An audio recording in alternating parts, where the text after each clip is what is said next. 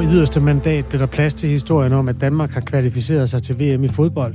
Øhm, lad os bare konstatere, at det kan også godt lige klemmes ind i nogle sprækker af det her radioprogram. Det kan vi godt love. Øh, det vi ved er, at vi skal til VM i Katar i øh, 2022 til lige omkring jul, op mod jul.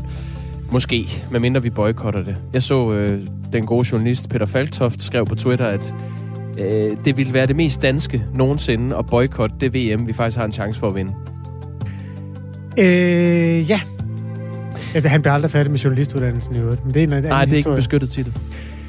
Godt. Øh, fiskeriaftalen er landet. Den er ikke god set med Østersøfiskernes øh, øjne.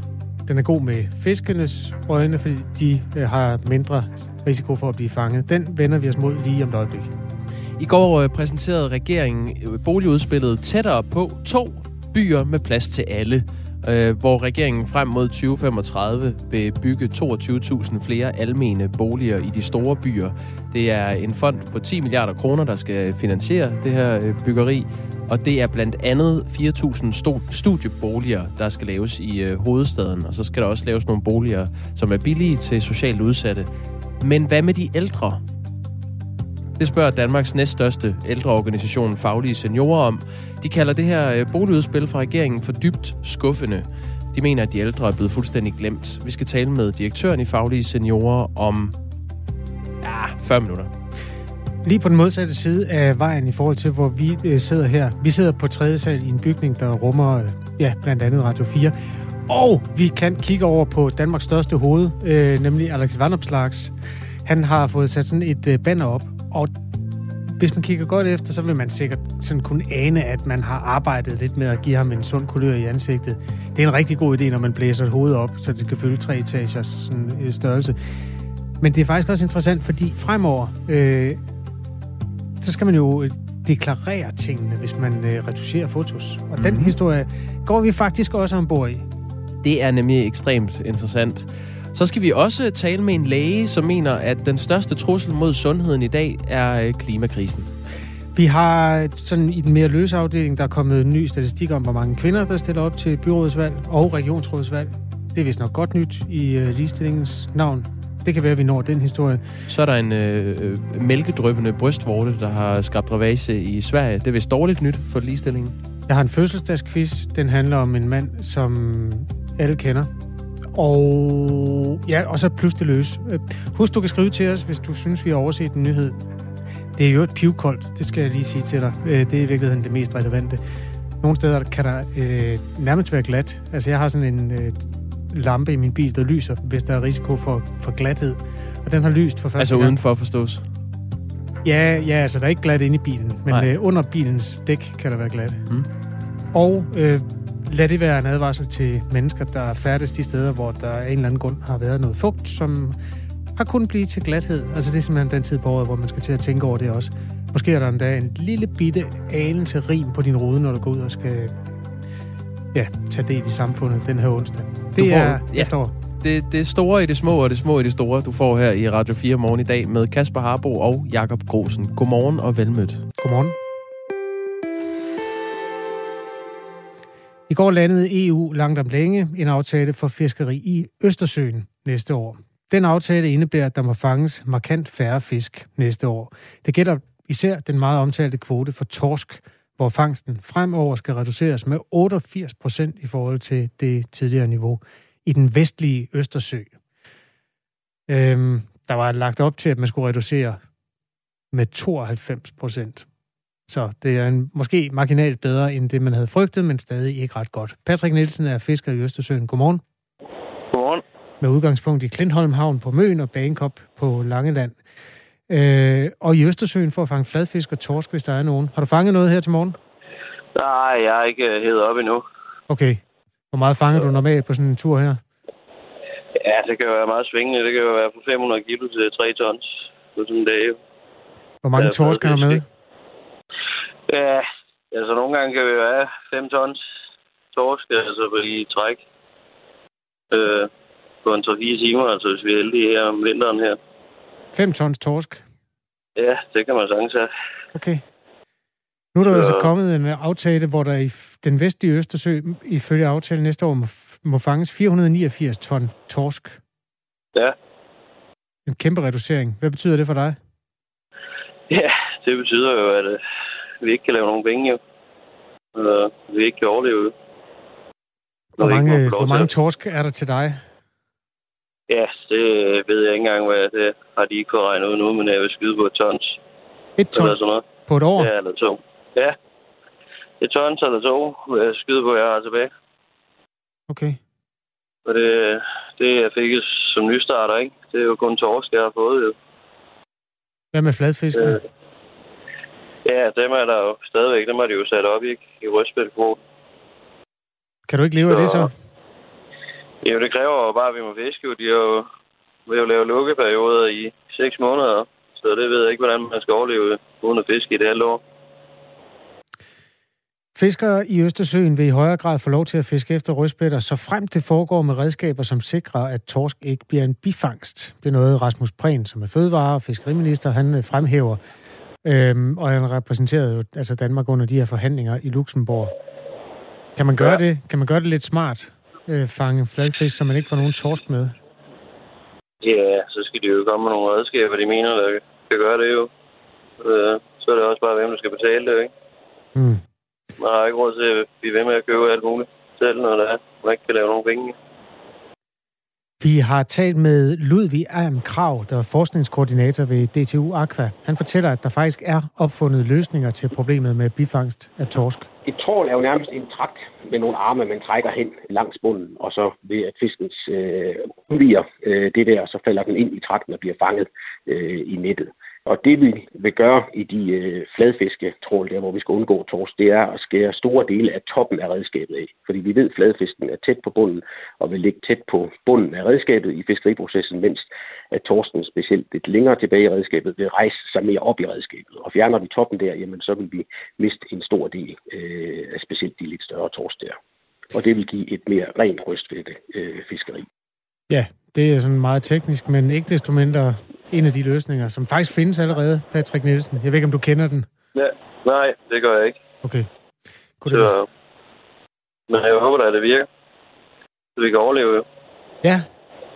Øhm, når man har indført en så skrab reduktion i mængderne, så handler det jo også om øh, nogle bestande, som man vil passe på. Hvordan ja. har du det med det, at man tænker den tanke? Ja, selvfølgelig skal man passe på alle øh, fisk og alle sådan nogle arter. Men øh, vi skulle prøve at gøre noget ved sæler og skaver og vandmiljøet i stedet for. Det er jo ikke øh, også få fisker, der er tilbage, der kan ødelægge hele øh, Østersøen. Øh, Patrick Nielsen, vi har fået en sms her fra Jens. Han har en anden øh, øh, opfattelse af det. Han skriver, øh, en fisker, ja. tre tons torsk på en dag. Tænker ikke skarv og sæl er de skyldige i det her regnskab. Nå. Vil du kommentere på det? Det skulle da på at regne ud, hvor mange uh, tons fisk de om dagen. Sådan en sæl. Ja, det er noget med, der var, var det, vi hørte tallet 600.000 øh, skarver og sæler. var der, der var en eller anden, der regnede de to mængder ud og slog dem sammen. En sæl leder omkring 5 kilo fisk, øh, så det kan man regne ud. Det er 3 millioner, ja. det er 3.000 tons, de spiser ja. om dagen. Ja. ja, om dagen. Det kan jeg godt se, ikke? Hvor mange fiskere er der, ligesom dig? Der tager 3 tons. Ja, det er jo sjældent, vi gør det nu her jo ikke. Men okay. altså, jeg siger, det er jo på en god dag, der kan man jo godt have det der. Men ellers så nogle dage, der har vi jo ikke nogen. Og andre dage kan være en 400-500 kilo, ikke? Du har stået altså, ude på din båd, altså trods alt. Du skal jo øh, ja. arbejde stadigvæk. Hvor, ja. hvor tror du, du er om et år? Jeg tvivler på, at jeg er herude, men øh, man vil da håbe det, men øh, jeg synes ikke, det ser sådan ud. Patrick, øh, tak fordi du var med i Radio 4 morgen. Ha' en god arbejdsdag, ja. trods alt. Jo, tak lige måde. Tak skal du have. De her ja. stærkt uh, reducerede kvoter på blandt andet torsk i Østersøen kommer ikke kun til at påvirke fiskere som uh, Patrick Nielsen. Det kommer også til at smitte af på prisen på torsk. Det mener du, uh, Claus Anker Jensen. Godmorgen. Ja, godmorgen. Formand for Danmarks Fiskehandlere, øh, og som også har en fiskebutik selv i Jøring. I den vestlige Østersø må der ifølge aftalen næste år fanges 489 ton torsk. Altså en ja. reduktion på de her 88 procent sammenlignet med i år, hvor kvoten er 4.000 ton. Hvordan kommer det til at påvirke priserne i uh, din butik? Jamen, det er det helt sikkert få en eller anden effekt. Øh, det er klart, når vi kommer til at mangle 88 procent tosk i Østersøen, så er det træk, det skal findes et eller andet sted, fordi der er stadig behov for at få noget tosk.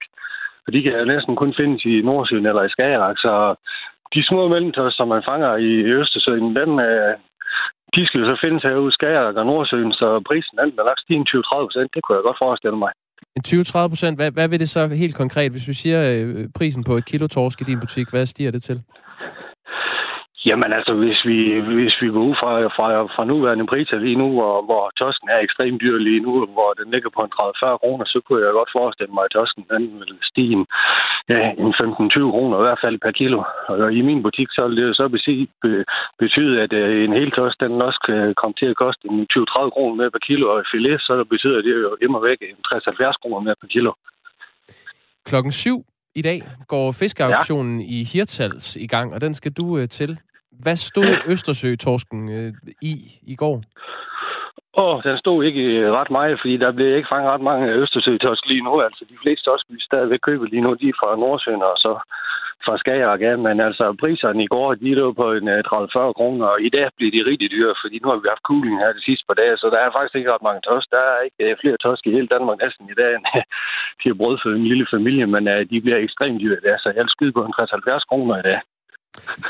Bliver der egentlig på auktionen skældnet mellem, hvor fisken er fanget? Eller er det, altså, om det er Østersø-torsk eller Nordsø-torsk, er det samme pris?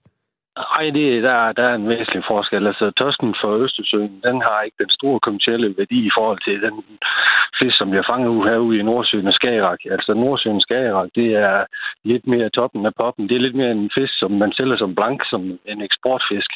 Som den fine fisk, den fisk, der er i Østersøen.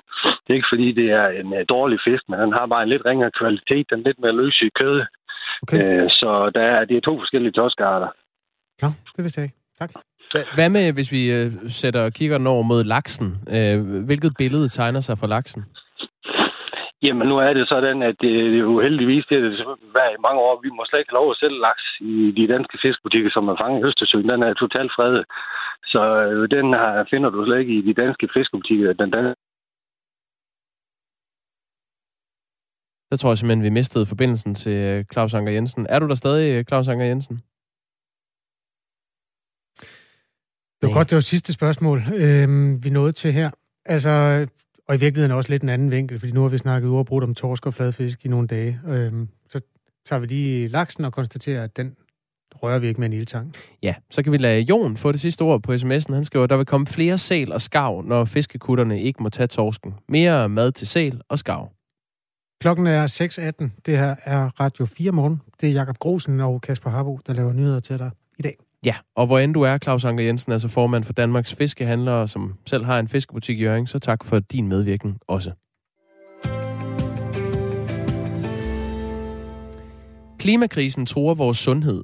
Så lyder det i et debatindlæg fra Martin Schønemann Lund, som er læge og bestyrelsesmedlem i foreningen Læger for Klimaet. Det debatindlæg, han har forfattet, indledes med ordene, nu citerer jeg. De ekstreme klimahændelser i de sidste 24 måneder, tørke, oversvømmelser, brænde og deres indvirkning på lokalsamfund og enkeltpersoner har utvetydigt vist, at klimakrisen er den største enkelstående sundhedstrussel, menneskeheden står overfor.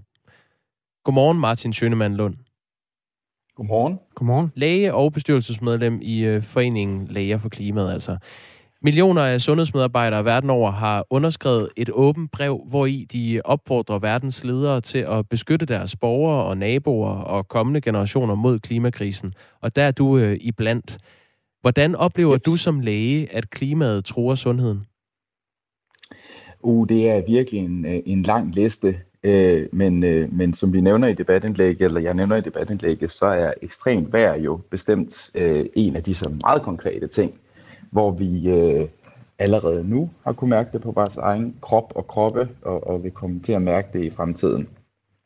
Øh, sundheden er jo helt åbenlyst truet, når, når øh, byer skylles væk, og infrastrukturen øh, forsvinder, øh, som det gjorde i Tyskland her i sommer, kan man sige. Øh, og, og i Danmark, der har vi jo vores eget eksempel fra, fra så den meget, meget varme sommer der i 2018, hvor hvor Statens Serum Institut faktisk kunne påvise en, en øget dødelighed blandt vores ældre medborgere. Øh, så det er sådan et helt åbenlyst man sige, praktisk ting, hvor, hvor sundheden bliver truet af klimakrisen. Hvor, hvorfor synes ja. du, det er vigtigt at, mm. at trække klimakrisen frem som øh, den største sundhedstrussel? Øh, jamen, jeg vil sige, at jeg er jo et godt selskab, når jeg gør det, øh, fordi det er faktisk øh, noget, som WHO øh, har estimeret, at det er. Øh, men, øh, men man kan sige, det er jo fordi, at også sådan lidt, at det, altså de helt store øh, sådan fremskridt i sundheden øh, igennem de sidste 100 eller 150 år, de er faktisk ikke gjort af, af, af læger øh, sådan i det helt store billede. Der er nogle, der er nogle opdagelser inden for lægevidenskaben, der har gjort det rigtig godt, men, men rigtig meget af det, det er jo skabt af jord- og betonarbejdere, der har sørget for, at vi har kloakker og, og landmænd, der sørger for, at vi har mad nok på bordet. Så, til det er ligesom og politikere, der har skabt et godt samfund, som man kan være sund og have det godt i.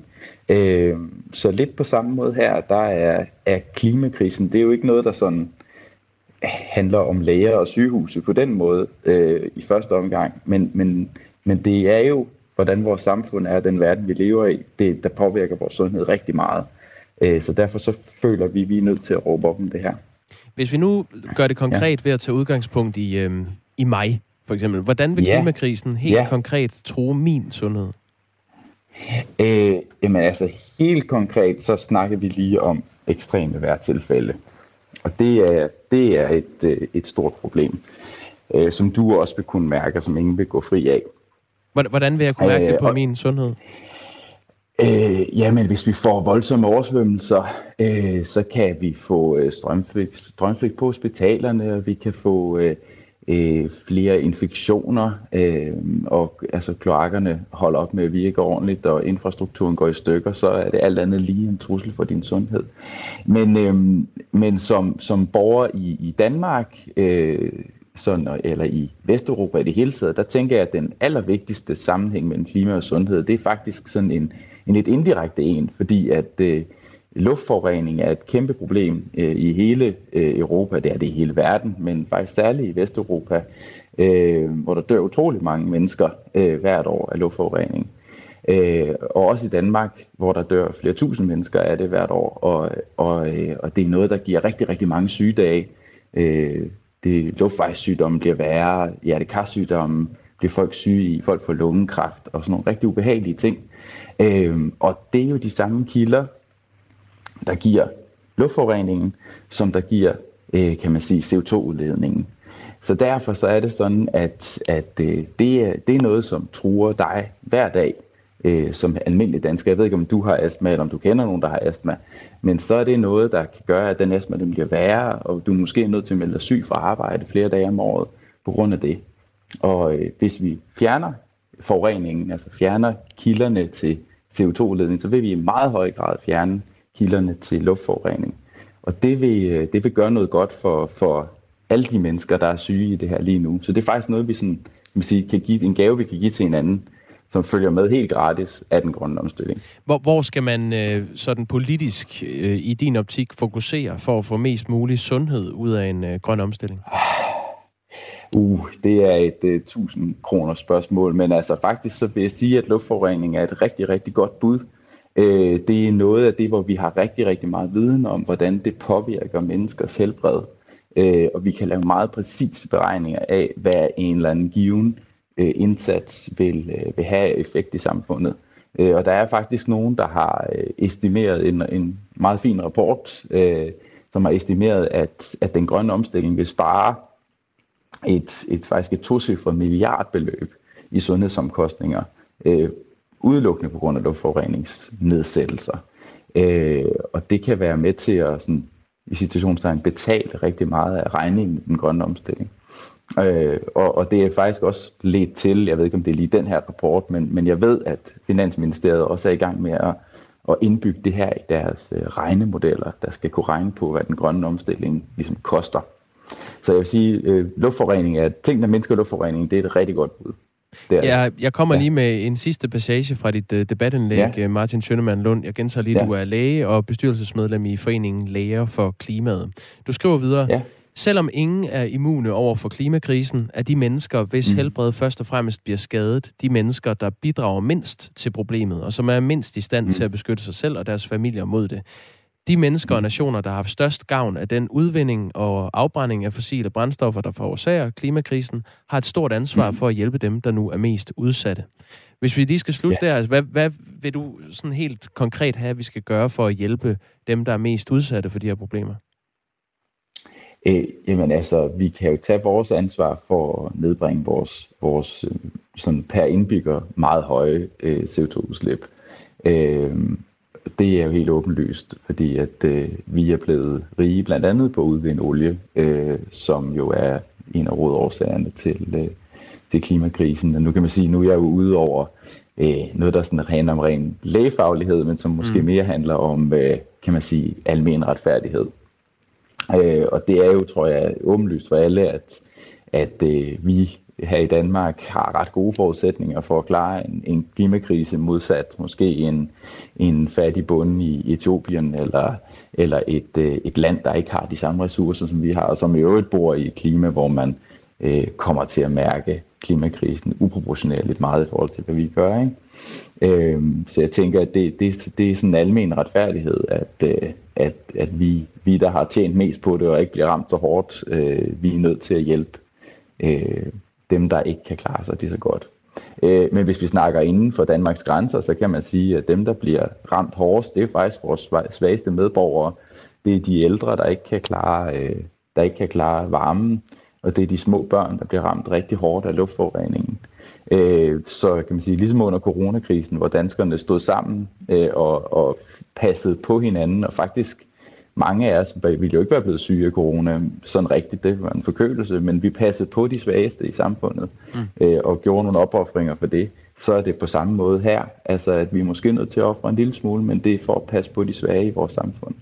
Øh, børn og de ældre, ikke? Sådan lyder ja. indsparket altså i klimadebatten fra, øh, fra læge og bestyrelsesmedlem i Foreningen Læger for Klimaet, øh, Martin Schønemann Lund. Du skal have tak for, at du var med her. Ja, tusind tak, fordi I ville have mig. God, godmorgen. Ja, godmorgen. Mm. Klokken den er 6.27. Og det sker her. 1-0 til Danmark. Kasper Julemand jubler med armene mod himlen. Det gør alle spillerne også. De er kvalificeret til VM 2022 i Katar. Ja, man kan også øh, tage ja-hatten på den her dag. Hvis man er til sport, vil man vide, at der er øh, noget godt i kikkerten, hvis vi lige ser bort fra alle de der de moralske dilemmaer, der er forbundet med at holde VM i en slavestat. Dem gider vi ikke snakke om i dag. Danmark kvalificerede sig i går. Ah, med... det gider vi godt lidt. Men Og gør vi, vi det? Ja, lad os lade være med at gøre det lige nu. Lad os lige nu bare glæde os over, at vi er videre.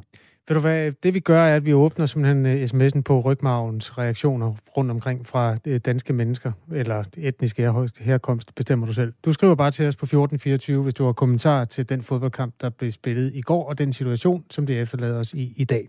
Jeg synes, vi skal tage et øh, klip fra det pressemøde, der blev holdt efter Danmarks 1-0-sejr over Østrig.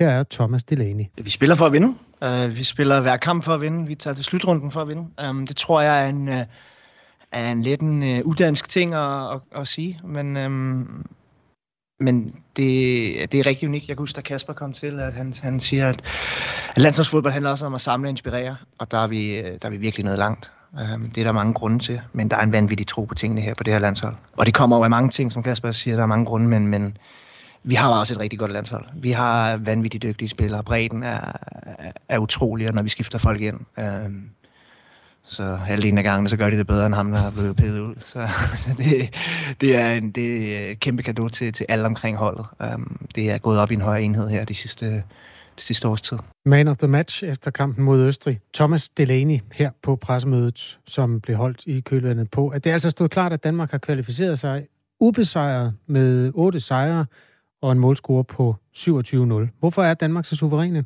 Det svarer landstræner Kasper Julemand på det er, det er svært at beskrive, hvad, hvad, vi har, hvad vi har gjort. Jeg synes, det er svært at beskrive de otte kampe samlet, et v, eller et EM oveni i sommer, men de her, hvis vi isolerer det til de her otte kampe i en VM-kval, det er meget, meget svært at beskrive, hvor, hvor suverænt det egentlig har været, og hvor, hvor høj kvalitet der egentlig har været. Vi har scoret sindssygt mange mål, og vi har stort set ikke øh, haft et skud på, på mål. Jeg tror, der er fire øh, skud på mål i otte kampe.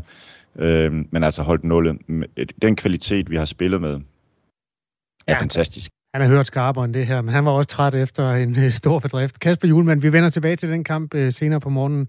Du lytter til Radio 4.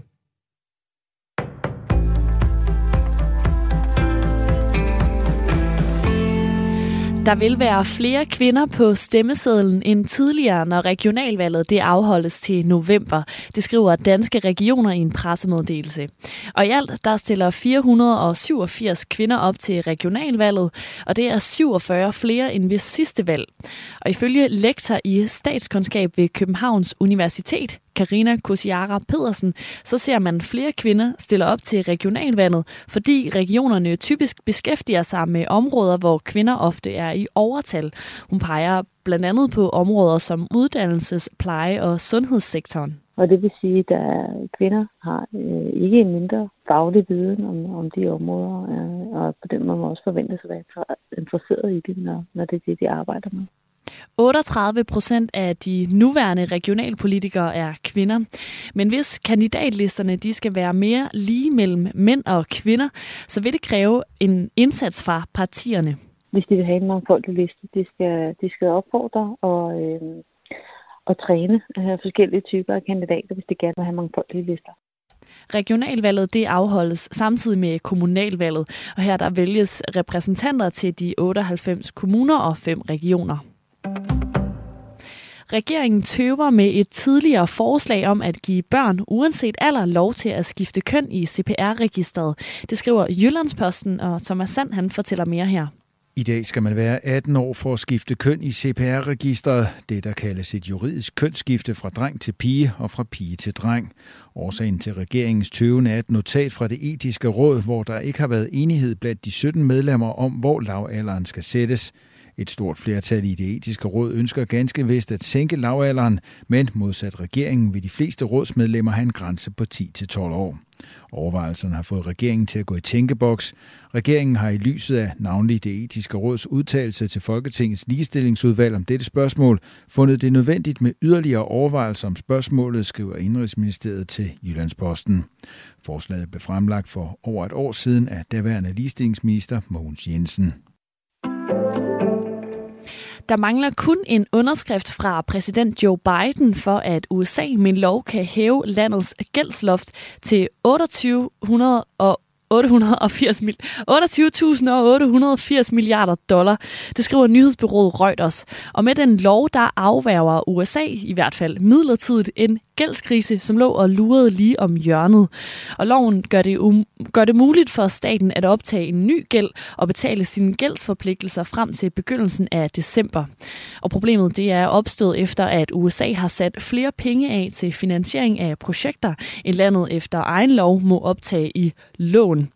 Og hævelsen af gældsloftet det er midlertidigt og gælder frem til den 3. december, hvor USA skal have fundet en mere permanent løsning, hvis ikke landet det skal misligeholde sine gældsforpligtelser. Og måske du også har sat dig for at se Netflix-serien Squid Game. I hvert fald så er du langt fra den eneste. Godt 111 millioner brugere er gået i gang med serien, siden den fik premiere.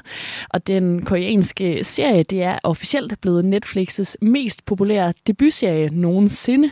Det oplyser streamingtjenesten. I dag der byder vejret på nogen sol, men også enkelte byer, og i eftermiddag der bliver det også lidt skyet vestfra, og temperaturen den kommer til at ligge et sted mellem 7 og 12 grader.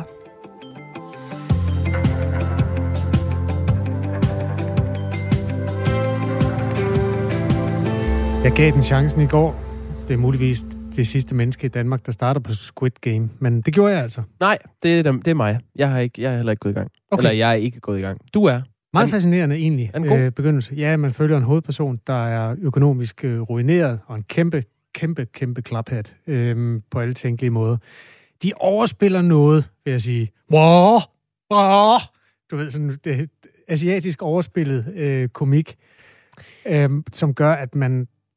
Øh, altså, der, den gysereffekterne, de lader lidt vente på sig.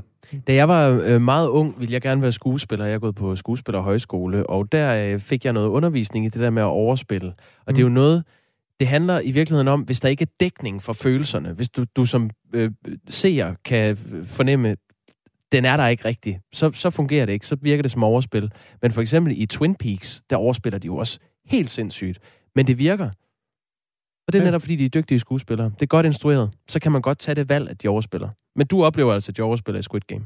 Ja, men jeg er også fra Danmark, hvor vi underspiller alle følelser, og derfor tror jeg måske, nogen... Altså, der er sådan en lille kulturkløft mellem øh, koreansk øh, tv-serie og dansk tv-serie. Skal man ikke bare lige vende sig til det, tror du? Jo, jo, det skal man med... øh, Første afsnit af en serie er næsten altid svært. Men øhm, det er bare for at sige, jeg kom øh, halvt igennem, så faldt jeg i søvn. Okay. Det er jo name of the game, når man har morgenvagter. Men øh, fem ud af seks stjerner indtil videre, bare for en god ordens skyld, fordi resten af verden også elsker den. Okay, dejlig ukritisk anmeldelse. Jamen, øh, ind og se den på Netflix. Der ligger hvor mange afsnit? Øh, jeg tror, det ligger ni eller sådan noget. Hele første sæson ligger der. Det, Godt. det er, øhm, ja, det er Radio 4 morgen, du er dumpet ind i her. Det var bare for at gribe øh, Sofies øh, Leverings historie fra nyhederne om Squid Game, som åbenbart er det nye store dyr i serieåbenbaringen Worldwide TV-serien på Netflix. Katarina skriver, jeg begyndte på den i går og synes, den er spændende. Glæder mig til at se videre senere. Venlig hilsen, Katarina. Radio 4 morgen rydder op i fiskekvoter, i klimaet, og nu skal vi rydde op i fodboldlandsholdet. Danmark vandt 1-0 over Østrig og er kvalificeret til VM i Katar. Altså fodbold-VM, der udløs, eller der spilles næste år, sidst på året.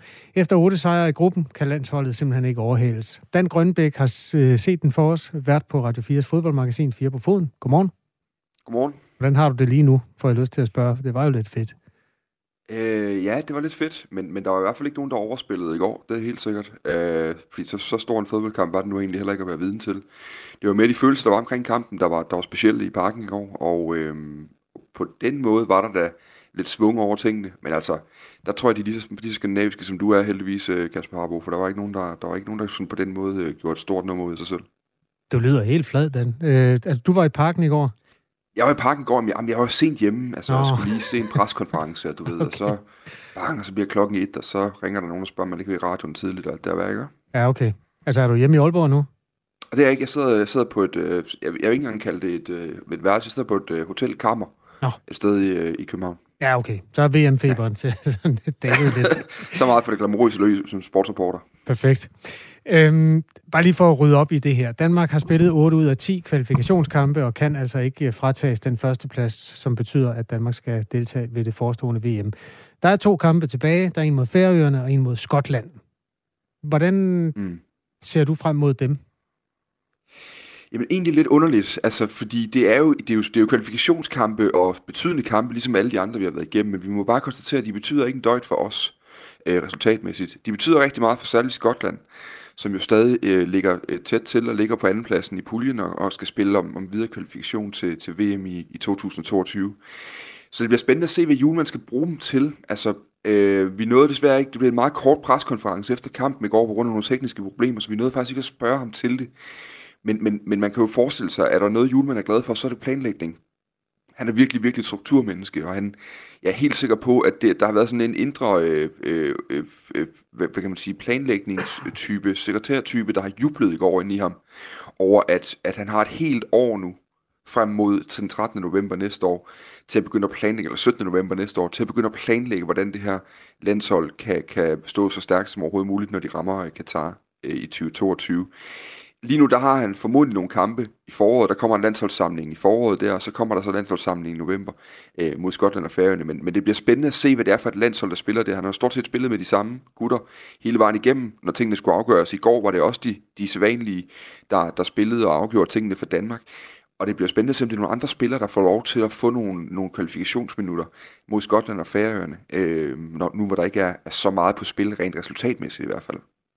Der er ikke scoret det eneste mål mod Danmark i den her kvalifikationsgruppe. Altså en målscore på 27-0 og i øvrigt 8 sejre. Altså, der er jo en rekord, øh, som er hentet allerede der.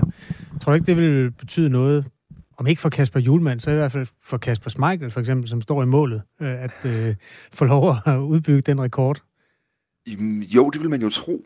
Altså, det er jo sjovt noget med de der rekorder der, fordi vi går jo altid til fodboldspillere og siger, nu er du jo den første nogensinde, der kan have scoret seks mål øh, på hovedet i fem øh, efter hinanden følgende kampe, hvor der har været minimum 2.000 fans på stadion, og hvor jeg spillede syd for ekvator.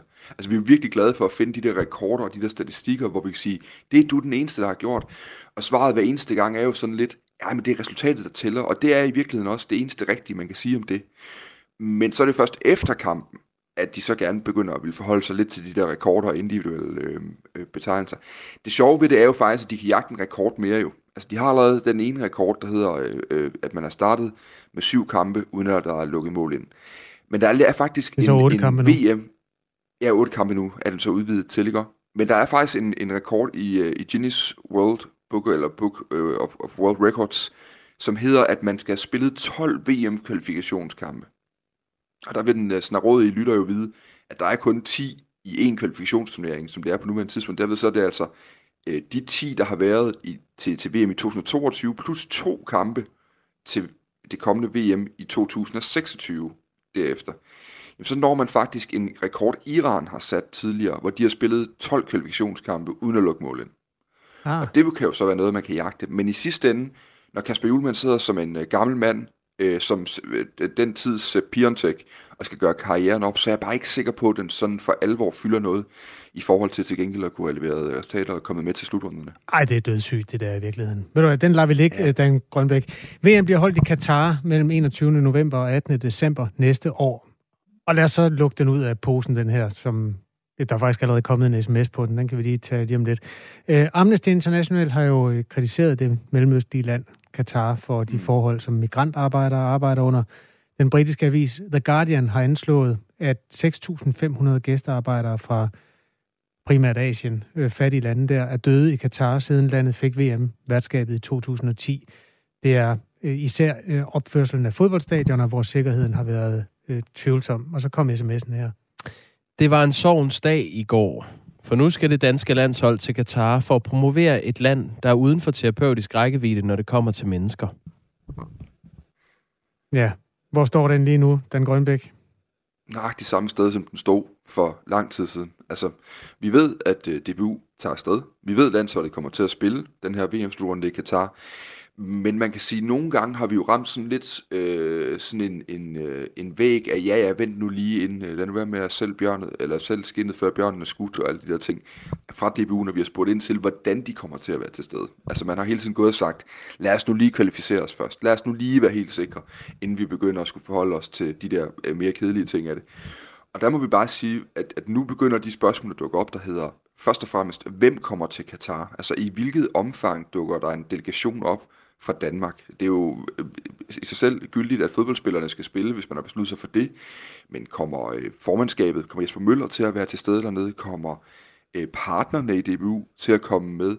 Øh, ved, vi, ved vi noget om de ansatte i DBU? Hvad, hvad har de tænkt sig at gøre i forhold til fansene? Vil de opfordre danske fans til at blive væk? Måske, eller vil de tage afsted? Det er jo det, der er det spændende, fordi der er så stor opbakning til det her landshold, når man kigger øh, på kampene i parken i øjeblikket, og på hele den fest, der er omkring parken. Selv en, øh, jeg vil sige, rockholdt øh, oktoberaften i går, jamen, der var der jo dåsebajer, og, øh, og jeg vil sige 80'ers musik, og, øh, og landstrøjer og alt muligt andet, uden for parken i flere timer før kampen. Så der er ikke nogen tvivl om, at der vil være fans, der tager afsted, uanset hvor moralsk angribeligt den slutrunde øh, er, og, øh, og, og uden tvivl vil være, også om et år. Men, øh, men det spændende bliver jo, hvad DBU helt konkret har tænkt sig at gøre. Lytteren her bruger sådan den argumentation, at man promoverer Katar. Er vi ikke også der, hvor man i virkeligheden har slået fast i alle landsdækkende, hvis ikke det er verdensomspændende medier, at øh, uh, Katar er et lorteland, og dermed er der ikke rigtig noget at, at, at promovere mere. Jo, men spørgsmålet er, hvem der er modtagerne. Altså i sidste ende, så kan man sige, hvis Danmark vinder et VM i Katar næste år, lad os bare lege med tanken, så vil VM i Katar stå, for noget, stå som noget særligt for danske fodboldfans. Og det, og det er jo fordi, vi er inde og lege med nogle ret altså, basale dynamikker i os. Vi har lige set en fodboldklub i England, der hedder Newcastle United, blive solgt til en saudiarabisk investeringsfond, som er ejet direkte af den saudiarabiske stat, som jo også er, øh, hvis ikke, altså lige så slemt, hvis ikke værre egentlig, fordi de, altså de står blandt andet bag mordet på Jamal Khashoggi, den her øh, øh, kritiske journalist for år tilbage på en af deres ambassader i Tyrkiet. Mm. Altså, øh, og der kan man jo sige, der, der har vi jo lige pludselig en situation, hvor, hvor nogle Newcastle-fans jo direkte har jublet over, at de blev købt, fordi nu havde klubben mulighed for at blive stor igen efter en lang periode med middelmodige resultater. Fordi der er så mange penge at hente i de her mellemøstlige stater. Så, så på en eller anden måde, så selvom det også er noget juks, rent øh, moralsk, så bliver det også til noget positivt. Og det er jo det, sporten også kan, at, at vi kan synes, de er forfærdelige på alle mulige måder. Men hvis Danmark vinder dernede, vil det så ikke stå som noget særligt, også for danske fodboldfans. Det kan godt ske. Tak for vurderingen, Dan Grønbæk. Det var i hvert fald så lidt. Vært på Radio 4's fodboldprogram, 4 på foden, lurer mig om ikke også øh, Danmarks fodboldlandshold får en fremtrædende rolle der i den kommende uges udsendelse. Klokken er kvart i syv, du hører Radio 4 morgen. Er der flere, der vil sige noget grimt om Katar? Altså, man må gerne gøre det i sms'en. Det er der helt sikkert, de er ikke skrevet ind endnu. Det kan man så gøre på 1424, start beskeden med R4. Og lad os da huske, at det for Søren er også en festdag. Ikke? Danmark skal til VM. Vi kan lige så godt sige det. Det er jo øh, radio, vi laver, men vi sidder faktisk begge to i landsholdstrøjer. Så ja. er det deklareret. Så, så store jubelidioter er vi. Øh, Kasper, i forgårs øh, stod det klart, at de drenge, der har været placeret på børnehjemmet Godhavn, øh, og som har fået tæsk og er blevet udsat for overgreb og alt muligt forfærdeligt der, øh, får 300.000 kroner i erstatning fra staten. Ja, den danske stat går simpelthen ind og tager ansvaret.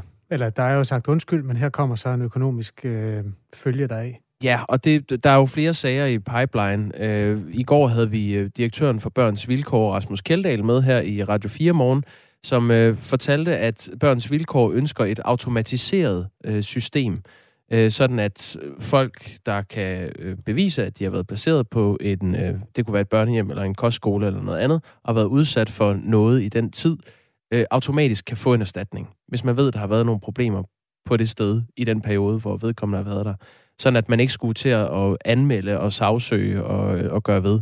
Øh, nu begynder sagerne jo at drøbe, og der er kommet en, en ny sag fra en kostskole i Nordjylland. Gravens Hoved Kostskole hedder den. Øh, det er Aalborg Kommune, der tirsdag, altså i går, indgav en anmeldelse til Syd- og Sønderjyllands politi om øh, voldtægt, afstraffelser og psykisk vold, der skulle have fundet sted på Gravens Hoved øh, Kostskole. Det, øh, den var drevet og ejet af Aalborg Kommune og Aalborg Amt frem til 92, hvor den så lukkede, og den lå i Christiansfeldt, kostskolen. Altså i Sønderjylland? Ja. Drevet af Aalborg? Ja. Okay. Så det er altså en, en eller anden øh, konstellation, man har haft på den tid. Det er i alt 31 af kostskolens tidligere elever, der er gået til kommunen i Aalborg med deres historier om øh, den tid, de har haft der. Og det er øh, vidneudsagn om øh, voldtægter, ydmygelser, vold, indespæring på øh, kostskolen. Så det, det virker øh, ret forfærdeligt, det de har øh, været igennem. Og den sag, den kommer øh, i kølvandet på en sag fra slutningen af september, hvor 18 tidligere kostskoleelever fra noget, der hedder Havregården, eller hed Havregården i Gilleleje, krævede en erstatning fra staten, også på 300.000 kroner per elev. Det var så, i den sag bare i sig selv løber op i 5,4 millioner kroner. Når vi omtaler den slags øh, nyheder i Radio 4 morgen, så er vores sms'er delt i to lejre. Der er, øhm, der er sådan en kor af mennesker, der aldrig giver en fuck. Øh, der er ham, der hedder David, som altid skriver, buh, skal, skal vi så også betale erstatning til dem fra de vestindiske øer og sådan noget. Og så er der nogle langt mere interessante historier. En af dem kom fra vores lytter Judy, som ved, hvad det her det er, når man ser det fra indersiden. Hun, jeg læser den lige op. Den er lidt lang, men det er altså meget øh, rørende faktisk, det her. Mm. Judy skrev, Hej, god radioprogram om anbragte børn i 50'erne og 60'erne. Min mand blev også anbragt på en institution i det fynske ørige, da hans forældre skulle skilles omkring 1960. Her oplevede han redsler, daglige tæsk til børnene, og nogen fik flere end andre. Han besluttede sammen med to andre drenge at flygte derfra i en robåd. Men der var selvfølgelig hul i den, så de nåede ikke ret langt ud i vandet, før der var vand i båden. Som straf skulle de grave deres egen grav. Forestil jer lige tre drenge, grædende og tækkende og undskylde deres handling, men nej, der var ingen noget. De skulle fortsætte med at grave, indtil graven var stor nok til, at de kunne ligge der i. Min mand blev meget syg, og han fik betændelse i sin knæ med høj, høj feber. Han måtte indlægges på sygeafdelingen. Det var ikke spor bedre. Der var ansat en modbydelig sygeplejerske, der når hun skulle give indsprøjtninger, gav dem så hårdt, at det gjorde vanvittigt ondt. Oplevelserne her har betydet, slutter Judy at skrive, øh, at min mand er meget bange for døden, og tanker om at blive begravet skræmmer ham. Nu var han blevet 70, disse tanker er skræmmende for ham, og han har øh, siden ikke kunne lide mørke og små rum. Det er altså en vild sms.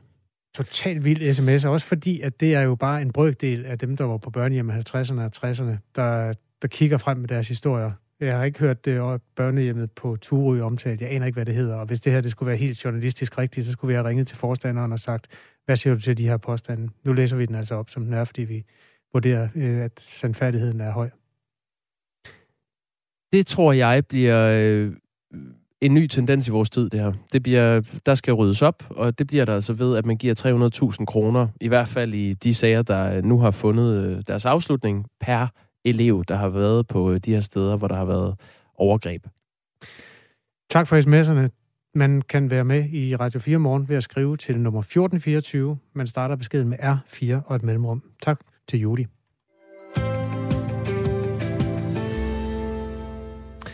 Dybt skuffende. Så lyder reaktionen fra Danmarks næststørste ældreorganisation, Faglige Seniorer, på regeringens boligudspil.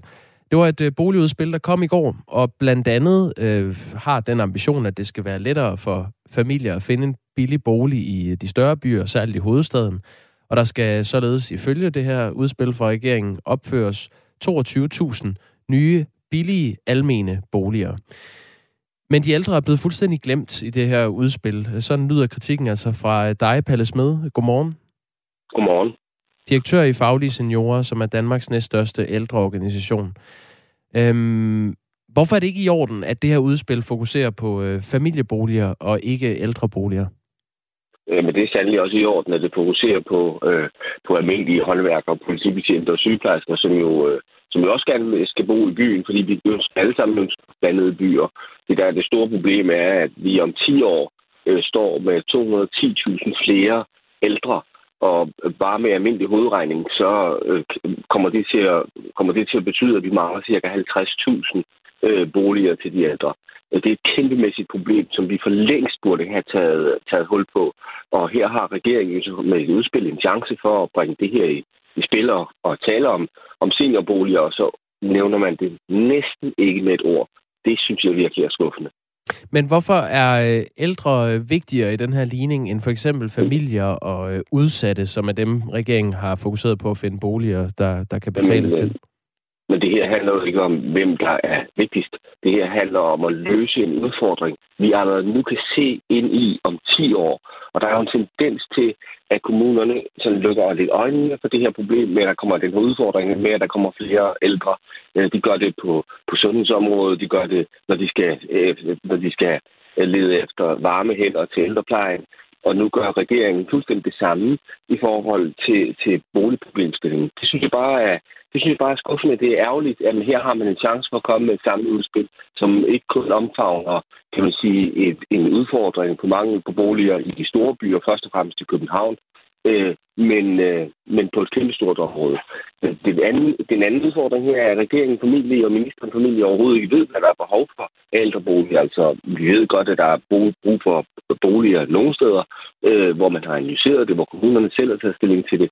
Men de fleste kommuner har ikke engang lavet en bosætningsstrategi. De har altså ikke forholdt sig til, øh, hvordan udviklingen, boligudviklingen skal være i deres kommune. Det synes jeg simpelthen er bare frygtelig trist, at vi øh, bringer os selv i den situation, hvor vi ikke tager hånd om fremtiden i tide. Hvor, hvor mange, altså fra, fra din stol som direktør i, i faglige seniorer, ældreorganisationen, hvor mange boliger mangler der så til ældre?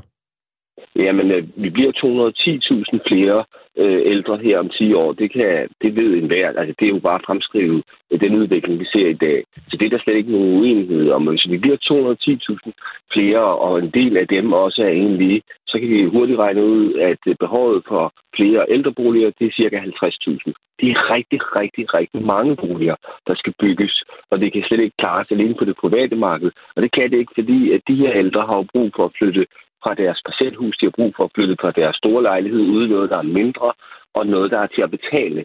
Og hvis de skal være til at betale, øh, ja, så skal det i hvert fald ikke være inde på det bullerne københavnske øh, boligmarked. Vi skal tilbyde dem noget.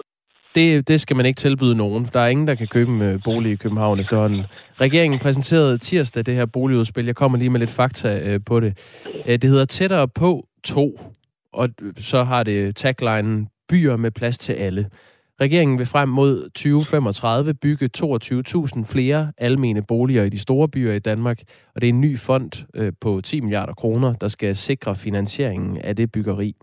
Desuden er der øh, initiativer, som skal sikre hurtigere etablering af 4.000 studieboliger i hovedstaden. Det er primært de unge, der øh, bliver tilgodeset der.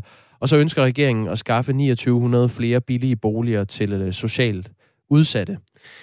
Når der nu skal bygges 22.000 almene øh, boliger, øh, Palle Smed. Kan mm. de ældre så flytte ind i dem? Jamen, det er jo ikke det, der er tanken, og det der er meningen, fordi det er ikke dem, det, de ældre, de her boliger primært er målrettet til. Det er jo øh, ganske almindelige lønmodtagere, familier, pædagoger, håndværkere, politibetjente og andre, som du selv siger, som ikke har en kilomands chance for at komme til at bo øh, bynært inde i København. Mm. Øh, fordi det har de simpelthen ikke penge til. Så meget tjener de jo ikke. Altså boligpriserne i København, hvis man bor i København eller kommer i København, så ved man, hvordan de er eksploderet til et niveau, som øh, man kun kan, hvor man må løfte øjenbrynene og tænke, hvem pokker har råd til det. Socialdemokratiets øh, spidskandidat til overborgmesterposten i København, Sofie Hestorp Andersen, var i går ude at sige, at de øh, almene boliger, som man overvejer at bygge på Christiania, de kan eventuelt blive til ældre boliger. Hvad siger du til det? Det synes jeg er glædeligt, men, men nu, nu det boligproblem, jeg taler om, er jo ikke kun et københavnerproblem. Det er selvfølgelig også et københavnerproblem det, vi taler om, når vi taler om, at vi mangler øh, 50.000 ældreboliger, eller boliger til, de, til seniorerne, så er det et nationalt problem. Det er et problem over, rigtig, i rigtig mange kommuner over hele landet. Øh, så, og, og der sker jo det, at når de, når de ældre ikke kan flytte fra deres store lejlighed eller fra deres parcelhus, så fryser markedet ligesom til, de, de skal jo flytte derfra, sådan at der bliver kan man sige, bliver plads og rum til, til familierne. Så, så der er altså også nogle udfordringer i, at man ikke tilbyder øh, tilbyder de ældre noget, eller der ikke er nogen mulighed for, at de kan flytte noget mindre, noget billigere. Øh, det giver bare problemer i den anden ende af boligmarkedet. I det her udspil fra regeringen er der også afsat 30 millioner til øh, såkaldt, det hedder, ældrevenlig indretning af byrum. Øhm, er det en god start i forhold til at tilgodese de ældre, som du ser jamen det? Jamen, det er jo ikke, altså, det er overhovedet ikke en start. Det er jo, øh, det, medmindre de ældre, de skal bo ude under åben himmel, himmel så det at, at, at, at lave byrum er jo ikke en start til noget som helst. Det er jo, det er jo vældig godt, at man går i gang med det, øh, men, øh, men det løser, det har ikke noget den problemstilling med mange ældreboliger at gøre. Altså, det er noget, som, som enhver ansvarlig regering burde tage fat i. Og derfor kan jeg slet ikke forstå, at regeringen har, kan man sige, øh, har misset chancen her. Vi har foreslået til gengæld, at øh, for at de ligesom kommer i gang med det, så har vi foreslået, at regeringen nedsætter en, en tænketank, en seniorboligtænketank, som på et år skal få analyseret hele det her problemstilling, finde ud af, hvor er det, hvilke kommuner, hvilke byer er det, de har de her udfordringer, hvor mange øh, boliger vil komme til at mangle de forskellige steder, og hvad skal der bygges. For det er der faktisk ikke engang nogen, der har gjort det nu. Og, og hvis vi nu havde den viden, så ville vi også være sikre på, at vi om 10 år havde fået stukket på spaden i jorden det rigtige sted.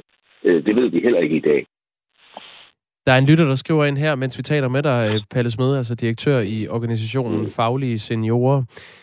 Lytteren skriver, det kommer til at provokere dig lidt, så må du svare på det. Mange ældre har tjent kassen på boligmarkedet og kan sælge deres parcelhus med en million gevinst i lommen. Skattefrit. De må købe deres egen bolig eller betale den leje, det koster. Ja, det, det er der altså nogle steder i, i sikkert i hovedstadsområdet, der er sikkert en del ældre, som har, som har tjent penge på, altså som har stor friværdi og kan sælge deres bolig. Men hvis man kigger ud på hele landet, så er, så er det et meget, meget forskelligt billede, man ser. Altså, jeg kender ældre, som har solgt deres bolig med tab herinde for de sidste år, øh, fordi at øh, boligmarkedet lige præcis, hvor de boede, øh, ikke var særlig attraktivt. Så, så, så det, er altså, det er altså en sandhed med store multiplikationer. Vi har et øh, lille minut tilbage, Palle Smed. Du skal lige nå at svare på, hvad der konkret skal til, for at du ikke er skuffet, når forhandlingerne for det her boligudspil er afsluttet.